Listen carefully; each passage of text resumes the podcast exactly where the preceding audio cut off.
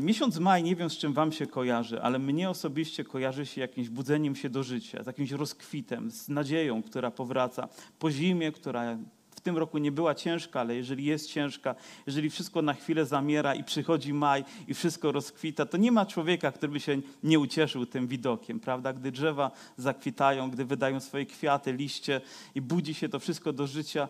I pomyślałem sobie, że maj uczynimy też takim miesiącem, gdzie szczególnie będziemy się uczyć i rozważać słowo dotyczące osoby i dzieła Ducha Świętego. I nie jest to przypadkowe, dlatego że też pod koniec miesiąca będziemy wspominać wyjątkowe wydarzenie. Nazywamy to Dniem Zielonych Świąt, Pięćdziesiątnicą i daj Panie Boże, byśmy za każdym razem, gdy spotykamy się, mogli to święto przeżywać. Nie tylko raz w roku, nie tylko raz na jakiś czas, ale za każdym razem, gdy Boże lud się zbiera, abyśmy mogli tego doświadczać. Ale jest to związane z też tym słowem, które przypominaliśmy tydzień temu, które zainspirowało też moje serce i mam nadzieję, że Wam stało się bliskie. I w tym nowym, dynamicznym tłumaczeniu wydane przez wydawnictwo Vocatio ten fragment brzmi wyjątkowo. Jest to Psalm 104, jest to wiersz 30 i mówi on tak. Tam zaś, gdzie posyłasz swego ducha, Panie, życie rodzi się i ziemia odnawia. I nie tylko w maju ale przez cały czas, niezmiennie, i nie ma to związku z szerokością, długością geograficzną, sytuacją ekonomiczną, ale jakimikolwiek uwarunkowaniami, bowiem gdy Duch Święty pojawia się, wszystko zaczyna rodzić się, odnawiać. I myślę, że to jest prawda, która dotyczy każdego wierzącego człowieka, mojego i Twojego serca, wraz z Jego obecnością pojawiło się życie, wraz z Jego obecnością wszystko powinno ulegać odnowieniu. Jeżeli nie, to nie dlatego, że Duch Święty tego nie chce, bo to jest Jego wolą, to jest Jego naturą, tylko być może jest jakiś hamulec, jest jakaś sytuacja, która to powstrzymuje w moim sercu i w Twoim życiu, ale z pewnością Jego pragnieniem jest, aby każde życie człowieka wierzącego rozkwitało jak, nie wiem, jak jabłoń w maju, zakwitło i później wydało piękny owoc dla Jego chwały. Mogło nie tylko cieszyć nasze oczy, ale nasycać nasze serce, pachnieć i dawać dobre świadectwo i błogosławić wielu. Wierzę, że właśnie takiego życia Bóg pragnie od swojego Kościoła. Więc rzeczą istotną dla nas jest, byśmy patrzyli na Ducha Świętego, uczyli się niezmiennie, niezmiennie o Nim. Gdy mówimy o Duchu Świętym, to mówimy też o Duchu Bożym, mówimy o duchu Chrystusa, o duchu wszechmogącego Boga, bo takie nazwy mogą być wymieniane w Biblii i są, ale mówimy wciąż o tym samym duchu świętym. Ja za każdym razem, gdy czytam Boże Słowo i dochodzę do fragmentu, gdzie jest mowa o duchu świętym, podkreślam sobie ten fragment na zielono, żeby go nie przeoczyć, żeby zwrócić na to uwagę, żeby wyciągnąć z tego jakąś lekcję dla mojego życia, ponieważ idąc za Chrystusem już tyle lat, zdaję sobie sprawę, że wciąż na nowo potrzebuje być odnawiany, potrzebuje Jego mocy, potrzebuje Jego łaski. Uczę się wciąż na nowo nie polegać na sobie, na stereotypach, na schematach, które działały wczoraj, ale dzisiaj już musimy to zmienić i Duch Święty uzdalnia nas również do tego, by Jego Słowo wykonywało w nas swoją pracę, by podnosiło nam i dawało nam tyle mocy, ile tylko w naszym życiu pragniemy i potrzebujemy. Chciałbym, żebyśmy sięgnęli do kilku fragmentów w Nowym i w Starym Testamencie. Na początku do listu do Hebrajczyków, listu, który mówi o Jezusie jako arcykapłanie, naszym Panu, który złożył tą doskonałą ofiarę o tym, który pojednał nas z Ojcem, o tym, że ta ofiara jest wystarczająca, jest przebłaganiem za wszystkie nasze grzechy, za nasze winy i odnosi się to do Starego Testamentu i tam również sięgniemy, żeby zobaczyć dzieło Ducha Świętego i być zainspirowanymi tymi historiami po to, by wiedzieć, że Bóg z taką samą mocą, z taką samą chwałą chce to dzieło wykonywać dzisiaj w życiu każdego z nas. A więc sięgniemy na początek do drugiego rozdziału i przeczytamy wiersz 18, który powiada tak. A że sam przeszedł przez cierpienia i próby, może dopomóc tym, którzy przez próby przechodzą. Czyż to nie jest słowo zachęty, że sam Jezus jest zainteresowany tym, by wesprzeć nas swoją mocą, byśmy przechodząc przez doświadczenia i próby mogli przejść przez nie i być zwycięzcami. Żebyśmy nie byli powaleni, żebyśmy nie byli pokonani, żebyśmy byli niezniechęceni, ale wciąż pełni mocy, pełni łaski, pełni owocu dla Jego imienia. A więc On wspiera nas, On wie, przez co przechodzimy. Wydaje nam się, że my czasami kogoś rozumiemy. Idziesz do szpitala, widzisz człowieka, który leży na łóżku, ale nigdy sam nie leżałeś w szpitalu, nigdy nie leżałeś na takim łóżku, nigdy nie byłeś poddany operacji albo jakimś tam zabiegom i mówisz mu słowa wsparcia. O, nie martw się, mój bracie, wszystko będzie dobrze, niech cię Bóg błogosławi. O, na pewno to nie boli je tak, jak, jak go rzeczywiście boli, ale mamy poprawne słowa, które możemy powiedzieć. Ale perspektywa się zmienia, gdy sami znajdziemy się w takiej sytuacji, gdy nasza pozycja się zmieni na horyzontalną, gdy ból przyjdzie i zostaniemy poddani, i później, gdy idziemy do szpitala jeszcze raz, to lepiej rozumiemy tego chorego, prawda? Ponieważ byliśmy w tej sytuacji, zrozumieliśmy, przez co przechodzi. I my, jako ludzie, jesteśmy ograniczeni. Możemy no, mieć określoną liczbę jakichś doświadczeń, przez które przechodzimy i rozumieć kogoś, kto przechodzi. Czy ja rozumiem wszystkich ludzi? Nie, nie rozumiem wszystkich ludzi. To prawda, rozumiem, gdy ktoś jest w szpitalu, gdy ktoś jest poddany operacji, bo przez to przeszedłem, ale na przykład, ale nie wiem, co to znaczy być w więzieniu za wiarę. Już nie mówię o jakimkolwiek innym powodzie, nie wiem, co to znaczy znaleźć się, a więc gdybym poszedł, o nic się nie martw, wszystko będzie dobrze, to byłby tylko slogan, bo ja nigdy tam nie byłem, nie przeszedłem przez to, by rozumieć w pełni. Ale jest ktoś, kto rozumie wszystkich, kto rozumie wszystko i ma moc, aby nas wesprzeć. I to nie są tylko takie dobrze brzmiące słowa, ale pełne mocy słowo, które ma nas podnieść, które ma nas umocnić. I Duch Święty doskonale wie, On bada nasze serca, nasze głębokości, sytuacje, nasze myśli, okoliczności. Bierze te wszystkie czynniki pod uwagę, żeby wesprzeć nas swoją mocą. I Jezus robi to też z ogromnym zaangażowaniem. Dzisiaj rano uświadomiłem też sobie akurat ten wiersz, który w Biblii jest jednym z najkrótszych wierszy. W zasadzie trzy słowa. I zapłakał Jezus. I zapłakał Jezus. Pamiętacie gdzie? Przy grobie swojego przyjaciela Łazarza, który umarł. I choć Jezus wiedział, że za chwilę zostanie wzbudzony, to jednak okazał w ten sposób współczucie. To była jego reakcja na to, gdy ktoś jest poddany próbie, doświadczeniu i być może nie tylko ze względu na niego, ale ze względu na ludzi, którzy tam byli, bo taka jest natura naszego Boga pełna współczucia, ale też mocy, aby nas z tego wyciągnąć. On patrzy również na moje życie, na okoliczności i aż trudno mi to zrozumieć, że Jezus również tak samo emocjonalnie, duchowo jest zaangażowany, by mnie wspierać w mocy swego ducha, podnosić mnie, zachęcać i umacniać. Spójrzcie, a że sam przeszedł przez cierpienia i próby, sam Pan, nasz Zbawiciel, przeszedł przez więcej doświadczeń niż my wszyscy tutaj razem wzięci. I jeszcze byśmy dołożyli cały ten świat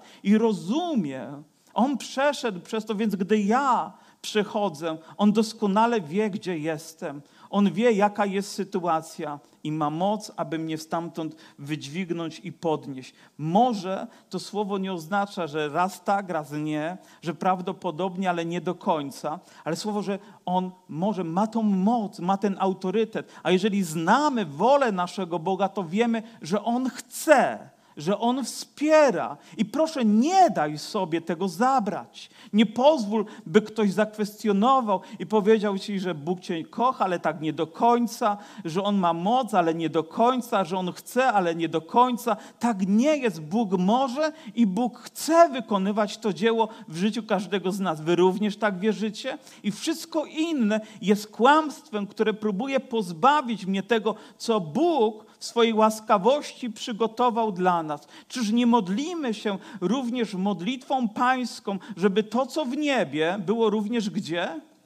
Tutaj, pośród nas, tutaj w zgromadzeniu Jego ludu. Dzieląc się też ze starszymi zboru, pomyślałem sobie o tym, że w naszym kraju i nie tylko w naszym są ambasady różnych krajów, prawda? Jakiegoś tam królestwa Stanów Zjednoczonych, czy Niemiec, czy, czy Anglii, czy kogokolwiek innego, ale to tak jakby na terenie naszego kraju była taka tak, takie miejsce, gdzie są inne prawa. Gdy przekraczasz bramę, to jesteś tak jakby na terytorium Stanów Zjednoczonych. Taka jest prawda. Tam inne prawa obowiązują, że niby w tym świecie, niby w naszej rzeczywistości, ale tam, gdy jesteś, jesteś jakby pod inną jurysdykcją, pod innym, innym nawet prezydentem, innym prawem. I myślę, że takim miejscem jest moje serce, Twoje serce, jest Jego Kościół że w naszych sercach obowiązuje przede wszystkim Boże prawo.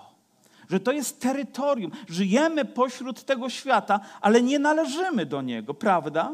Że również to miejsce, gdy zgromadzamy się w Jego imieniu, ja oczekuję, że to będzie ambasada Bożego Królestwa, że ludzie wchodząc tutaj, będą podlegali też Bożemu prawu, temu, które pochodzi z nieba te, które Bóg ustanowił, tą atmosferę, tą chwałę, tą moc, której potrzebujemy, będzie również nam towarzyszyć. I On widząc, że jest tu ktoś, kto jest w potrzebie, ktoś, kto ma pragnienie, otrzymuje je dzięki, dzięki Jego wielkiej łasce.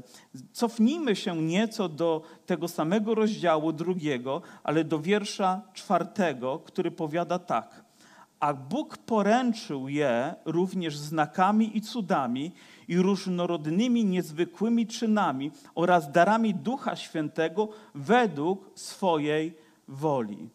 Bóg poręczył coś, i gdybyśmy czytali nieco wcześniej, to musielibyśmy dojść do tego, co Bóg poręczył, co zaświadczył, co udokumentował, co potwierdził. I, i w, pierwszych, w pierwszych wierszach czytamy o Jego słowie, które zostało posłane, o zbawieniu, które zostało nam dane. I ja bym chciał, żebyśmy dzisiaj nie rozdzielali tego, ale Bóg poręcza swoje słowo i swoje zbawienie w naszym życiu. Czym? Różnorodnymi znakami, cudami, niezwykłymi czynami oraz darami Ducha Świętego. A więc nie tylko wysłuchamy kazania i idziemy do domu, ale przyjmujemy to słowo, a Bóg teraz zaczyna pracować w nas, aby poręczyć to słowo, aby utwierdzić je w naszym życiu w ponadnaturalny sposób. Jak to jest, że niektóre słowa, które zostały wypowiedziane, które czytaliśmy w Biblii, usłyszeliśmy gdzieś w świadectwie, w zwiastowanym słowie, towarzyszą nam przez całe życie? A później też, gdy przychodzi jakaś okoliczność życia, to słowo, gdy się sprawdza, bo wiemy, że mamy się modlić w tej sytuacji, Bóg odpowiada, ono jeszcze głębiej zapada do naszego serca i jest takim fundamentem, na którym też nasza wiara jest zbudowana, jest wielką mocą. I też ten fakt, że Bóg daje nam swoje dary, dary Ducha Świętego według swojej woli, a więc Jego wolą jest, abyśmy otrzymali te dary. Jego wolą jest, abyśmy używali tych darów. Jego wolą jest, abyśmy żyli pod Jego mocą i panowaniem, ponieważ jako Kościół nie utrzymamy tego sami. Jego słowo nie będzie miało mocy, jego zbawienie zawsze będzie trochę jak chorągiewka, raz będziemy się czuli zbawieni, raz mniej zbawieni, ale gdy przychodzi Duch Święty, gdy On pojawia się w naszym życiu i widzimy, jak wkracza z wielką mocą w ponadnaturalny sposób, to staje się rzeczą niezwykłą też dla nas, ponieważ wiemy, że uczestniczymy w życiu ponadnaturalnym. Już nie należymy do tego świata, ale należymy do Bożego Królestwa. I to jest prawdą. Jak on działa? Nie będziemy dzisiaj wymieniać wszystkich darów Ducha Świętego, choć uważam, że one, są ważne i poszczególnymi tymi darami będziemy w trakcie też tego, tego miesiąca się zajmować. Mamy, mamy je dane po to, żeby budować siebie, budować innych, budować Kościół, składać świadectwo, a więc zostały nam też dane w pewnym określonym celu. Nie tylko dla nas samych, ale też po to, byśmy używając je, byśmy posiadając i używając je, mogli być tymi, którzy realizują Boże powołanie, którzy chodzą pod Jego namaszczeniem.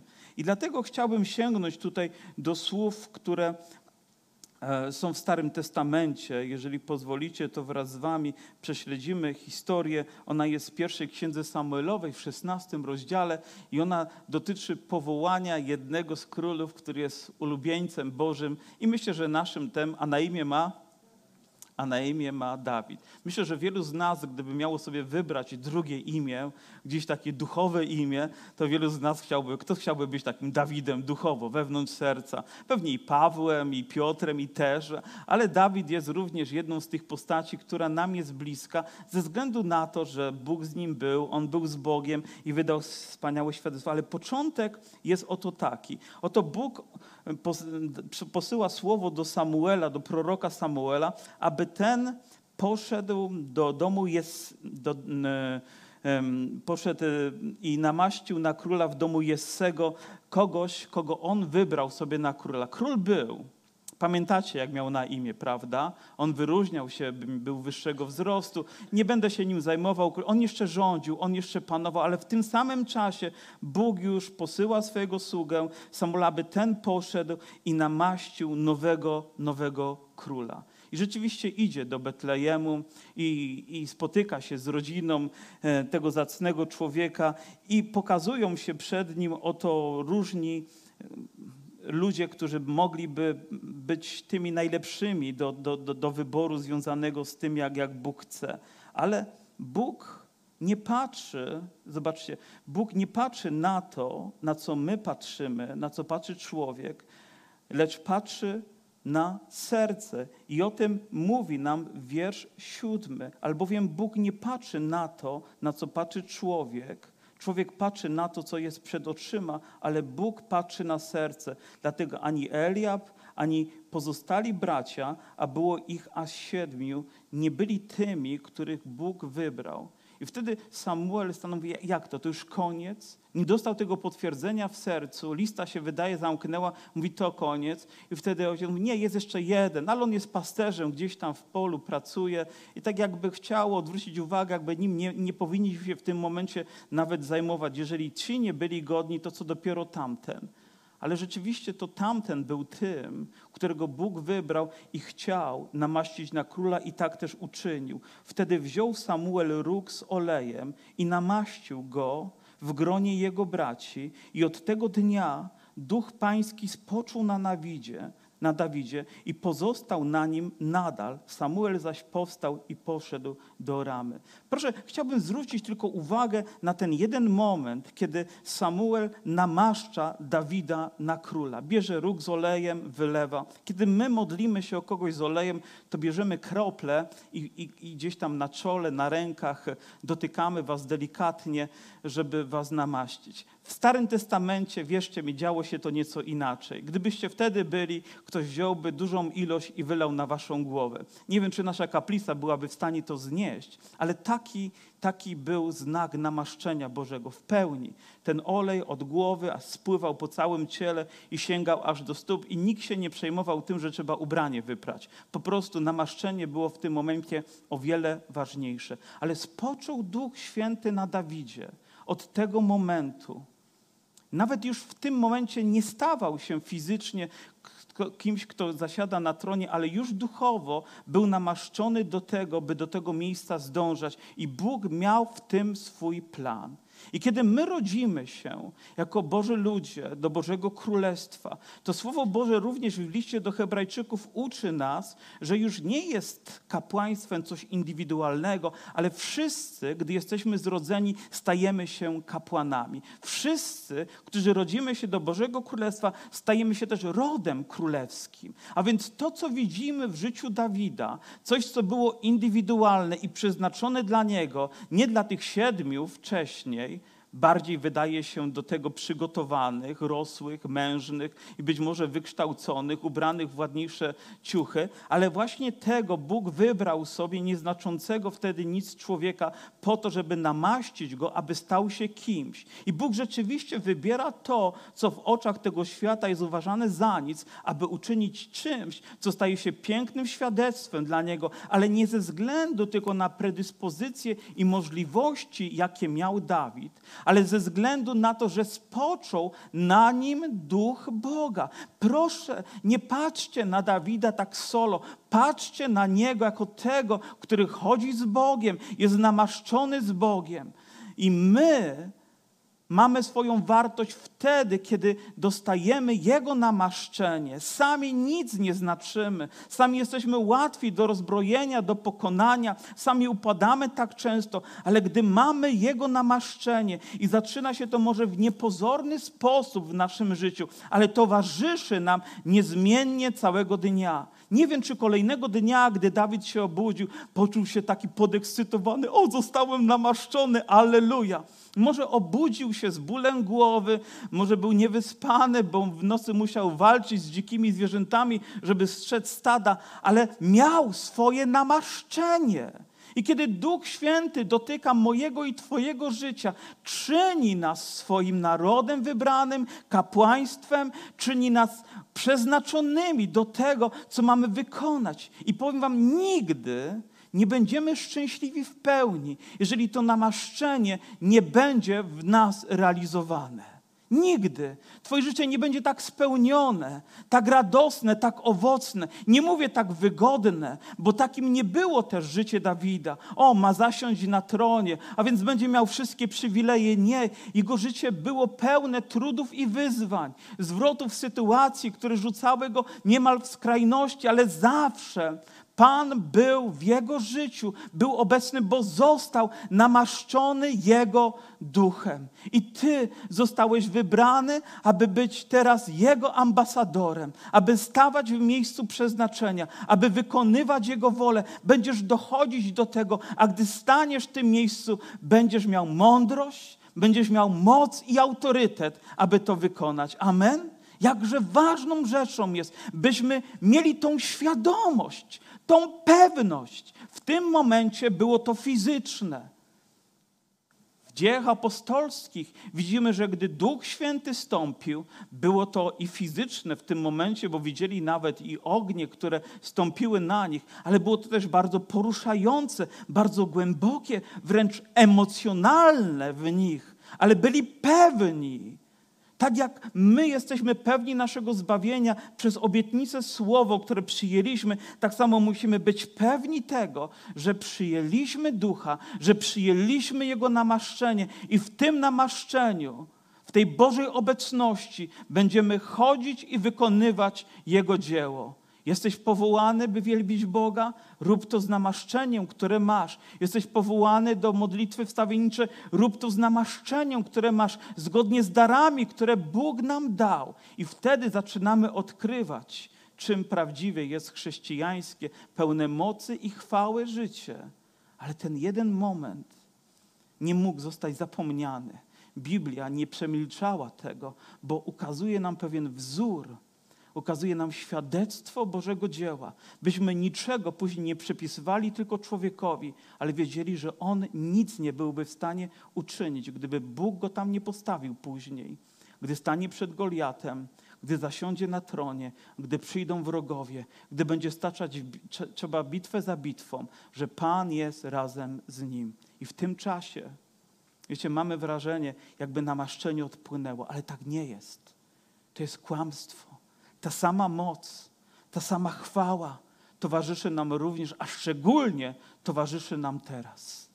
Kiedy potrzebujemy Jego wsparcia, Jego mocy, ono jest nam udzielane wprost z nieba, abyśmy tą nadzieją mogli również żyć. Pozwólcie, że pójdziemy do innego fragmentu, do kolejnej postaci, którą wspominamy dość często, bo jest jednym z moich również ulubieńców, człowieka, który uważał, że nie jest również godzien tego, by anioł mu się objawił i mówił o zwycięstwie teraz nad tymi wszystkimi licznymi wrogami, które stanęły u, u ich bram.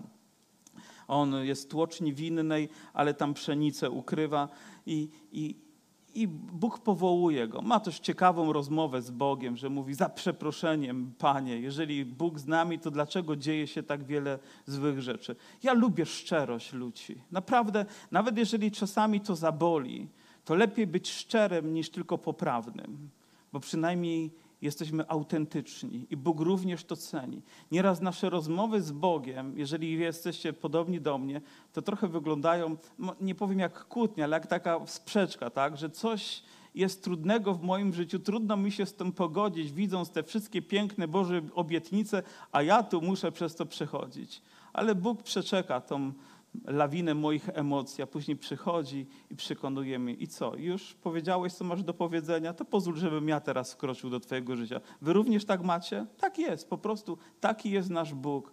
I, I on też uznawał się za niegodnego, bo mówi, a mój ród to nie jest naj, najszlachetniejszy czy największy ród, a ja też w domu mojego ojca to nie jestem tym najważniejszym. I zawsze znalazł powód do tego, żeby nie być tym, który jest wybrany.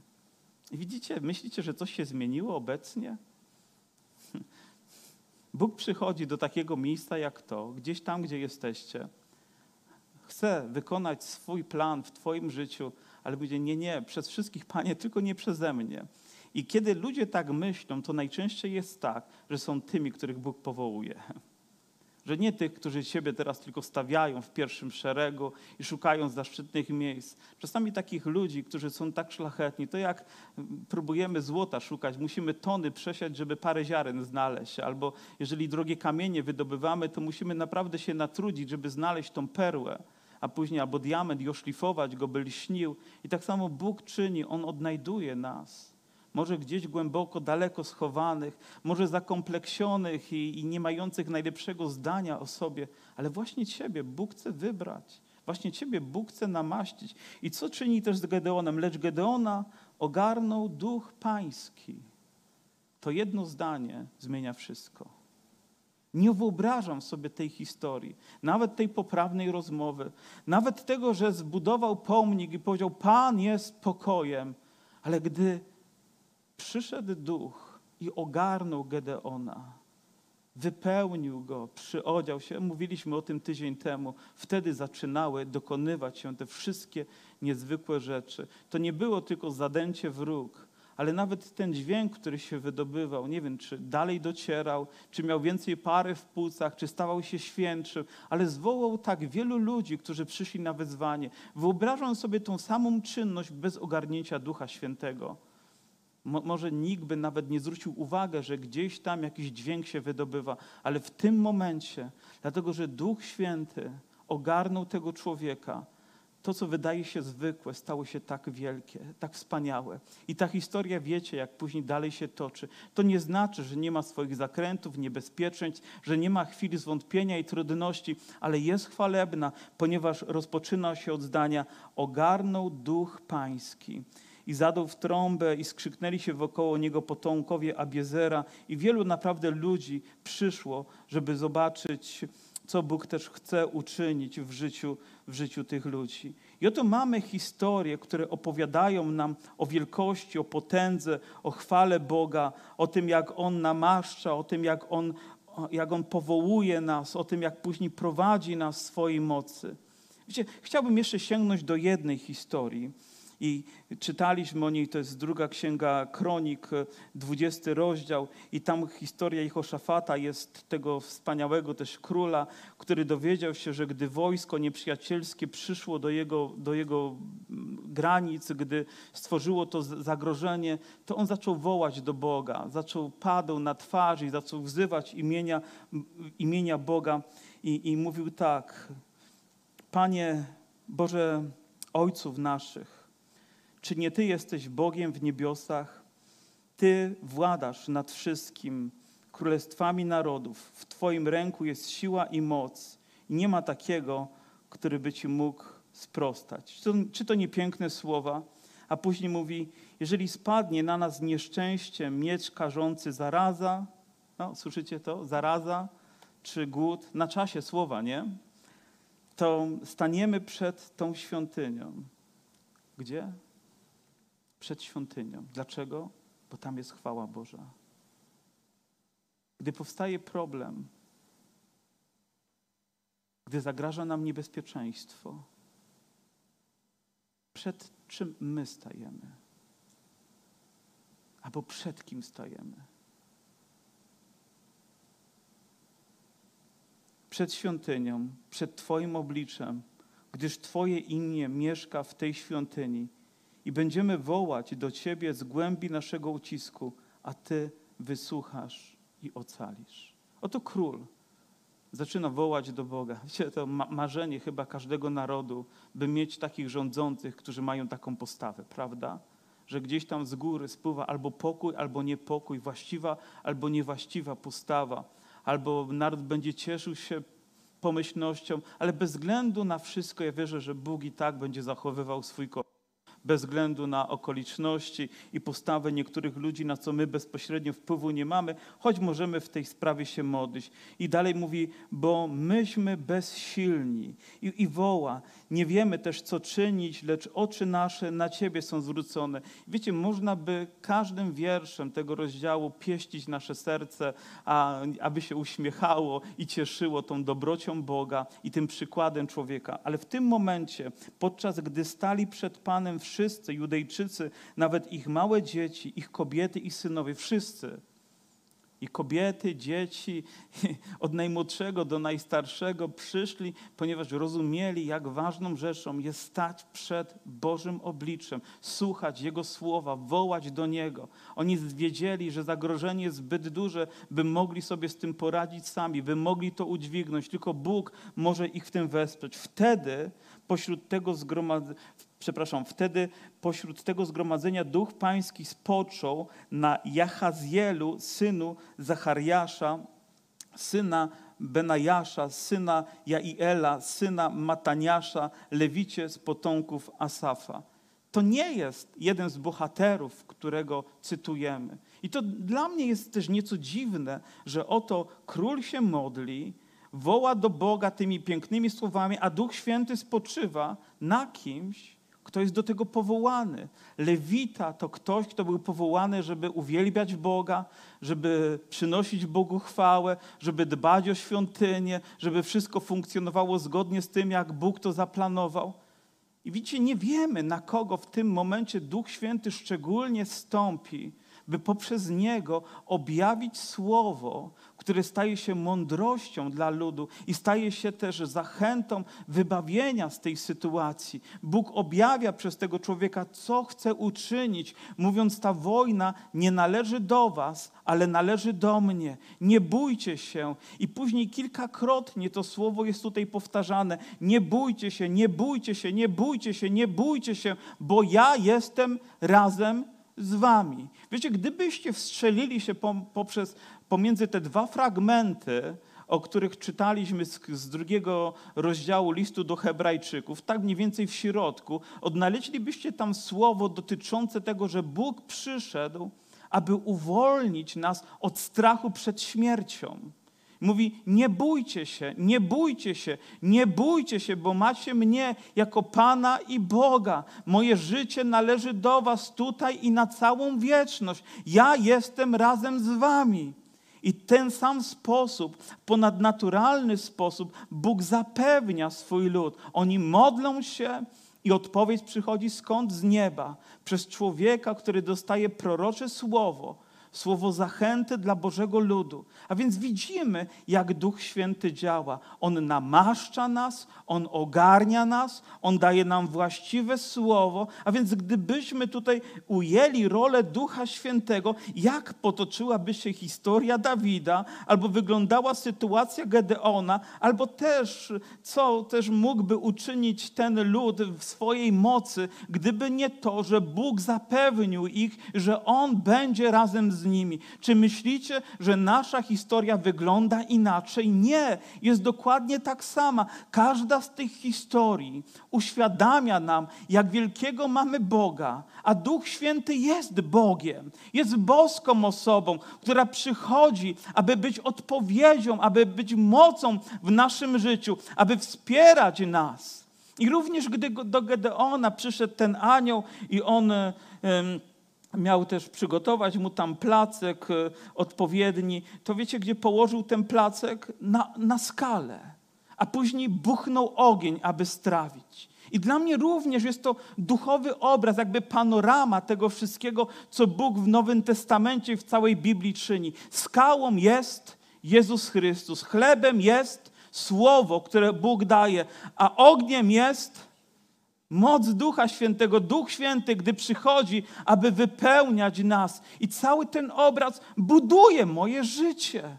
Naprawdę napełnia je nadzieją, wiedząc, że przyszło namaszczenie na mnie, człowieka, który gdzieś może chował się, nie był wyróżniany na apelach i może przez inni patrzyli na mnie z góry, może byłem zakompleksiony i gdzieś daleko w tyle, ale przyszedł Duch Święty, aby wypełnić moje serce. Nie mam odpowiedzi, dlaczego nie, nie tych siedmiu przede mną, albo tych obok, po lewej czy po prawej stronie, ale właśnie mnie Duch Święty dotknął, namaścił, wypełnił, przyodział też szatę weselną, dał pełnię swego ducha i obecności do mojego serca. Dlaczego przychodzi i daje mi swoje ogarnięcie i moc, abym mógł zwyciężać tam, gdzie sam poniósłbym porażkę? Nie mam odpowiedzi. Jedyną odpowiedzią jest to, że mogę przynieść chwałę mojemu Bogu, podziękować, że jest to prawdą na wieki wieków. Jeżeli wtedy Bóg to czynił, to czyż dzisiaj nie powtórzy swojej historii i to w tak chwalebny sposób i posyła swoje słowo, by zachęcić moje i Twoje serce, byśmy nie lękali się, nie upadali.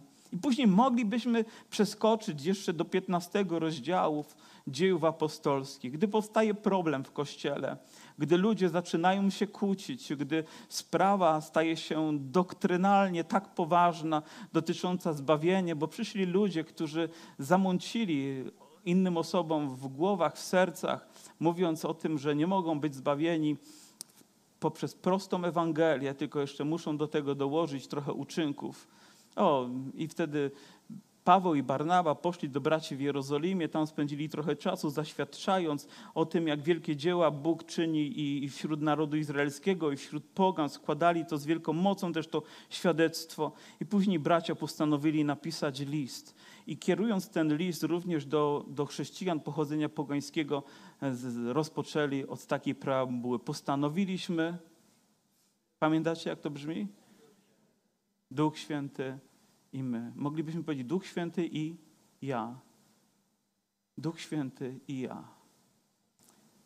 To jest wystarczająca więź, aby rozerwać wszelkie kajdany, aby rozprawić się wszelką słabością, gdy Duch Święty przychodzi, aby ogarnąć nas swoją mocą, wypełnić rolę, jaką my przyjmujemy.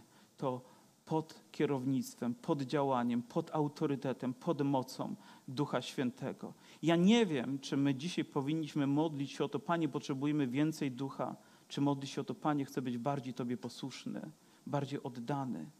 Bo wielu z nas otrzymało namaszczenie, otrzymało to, co z nieba, ale teraz Bóg chce, abyśmy według Jego woli realizowali to, byli temu posłuszni, byli temu wierni Wielu z nas wie, co ma czynić, abyśmy teraz mieli odwagę to uczynić. Żebyśmy nie skrywali tego, żebyśmy odnowili to na nowo. Czytałem też w tym okresie i, i list do Tymoteusza, pierwszy, drugi, do Tytusa. I, I tam słowo również zachęcało tych Bożych sług, aby odnowili, aby, aby wypełniali Boże Słowo. A zwłaszcza do tego młodego sługi, żeby na nowo rozniecił. Wiecie, młody człowiek, a już coś się w nim zestarzało. Młody człowiek, który ledwo rozpoczął służbę, ileż mógł mieć lat, gdy to słowo było kierowane, a już tak gdzieś jego duch podupadł, aby na nowo rozniecił to, co zostało mu dane w proroczy sposób, orzeknięte nad jego życiem, obdarowany w ponadnaturalny sposób, by miał teraz odwagę, by go nikt z tego powodu, że jest młody, nie lekceważył, wypełniał to zgodnie z tym, jak zaplanował to Bóg dla jego życia, ponieważ wtedy będzie prawdziwie szczęśliwy. O, wierzę, że Bóg chce namaszczać. Wierzę, że Bóg chce nas ogarniać. Wierzę, że Bóg chce posyłać swoje słowo w mocy, że Bóg chce dawać nam rozwiązanie w każdym problemie. Postanowiliśmy, Duch Święty i my. To nie jest bez naszej woli, to nie jest bez naszego udziału, to nie jest ponad naszą świadomością, ale zawsze będzie pełne mocy, pełne chwały, gdy oddamy to w całej pełni prowadzeniu, kierownictwu i mocy Ducha Świętego. Amen. Oddaj. Oddaj mu swoje serce, oddaj mu swoje usta, oddaj mu nawet swoją wolę, oddaj mu swoje talenty, oddaj mu swój dom. Oddaj mu swoją pracę. Czy myślisz, że nie jest zainteresowany tym, by cię uzdolnić, byś mógł poprowadzić? To nawet słyszałem kiedyś taką historię, jak pewien neurochirurg miał przeprowadzić operację na otwartym mózgu, wycinając jakiegoś guza, który gdzieś tak się wrósł, pojawił w miejscu, gdzie ciężko go było wydobyć bez uszkodzenia tam tego, co zdrowe, tego, co potrzebne do funkcjonowania, żeby nie uczynić kogoś kaleką albo nie uśmiercić go. I na korytarzu modlili się wierzący ludzie. A więc była operacja. Nie został ten guz ponadnaturalny sposób, wydaje się, usunięty.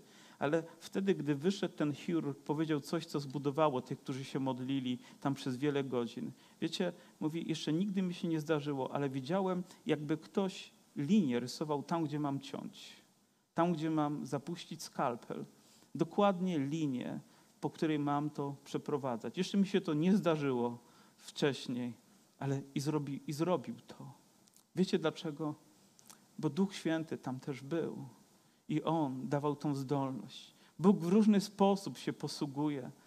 Czasami chce tak, a czasami inaczej. On nie ma takich ludzkich schematów, jak my próbowalibyśmy zrobić, a teraz Duchu Święty uwielbi się w tym. Nie, niech On będzie uwielbiony tak, jak On tego chce, tak, jak jest tego godzien i w pełen mocy i chwały sposób. Jedynie czego potrzebuje, to naszych serc, naszej otwartości, naszego prowadzenia w Jego mocy i w Jego autorytecie. Jest zgoda z Waszej strony? Przecież po to przyszliśmy, prawda? Żeby zgodzić się z naszym Panem, by On dalej nas poprowadził. Nie jest łatwo. Nie, niech ten czas nie będzie czasem wycofania, ale też niech nie będzie czasem nadużywania. Niech nie będzie czymś, co będzie promowało nas samych. Powiem z przykrością, muszę stwierdzić, jak wielu ludzi teraz próbuje, nie wiem, objawiać swoją mądrość w tym czasie. Proszę, ja, ja unikam tych wszystkich wypowiedzi. Oprócz nabożeństw, jakichś po prostu naszych, staram się wyciszyć maksymalnie, by usłyszeć Jego głos. Bo te mądrości ludzkie jeszcze nie raz się zmienią, ale Boży głos pozostanie w moim sercu na zawsze. Na zawsze. A On wie, czego potrzebuje. On zna moje pragnienie. I ja chcę być na tyle cicho, by Go usłyszeć. I też na tyle oddanym, by wypełnić Jego wolę by On miał we wszystkim chwałę,